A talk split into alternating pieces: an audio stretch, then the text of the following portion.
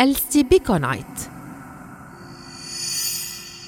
إنني أكسيد الأثمد وبالأخص ستيبين ولذلك يشتق اسمي من الكلمة اليونانية ستيبي المندرجة من كلمة ستيبيوم. وهو الاسم القديم للأنتيموان من كلمة كونس التي تعني مسحوق بالإشارة إلى تركيبة الكيميائية المكونة من ستيبين أي الكحل الذي عرف مسحوقه الأسود المكثف في العصور القديمة كمادة للتبرج لإبراز جمال العين. تم وصفي للمرة الأولى في العام 1862 في بافاريا. أتشكل عندما تتعرض معدنية ستيبين إلى الهواء الدافئ وتتأكسد فتحل باللورات مكان بلورات ستيبين أو تغطيها وهذا ما يعرف بال pseudomorphose.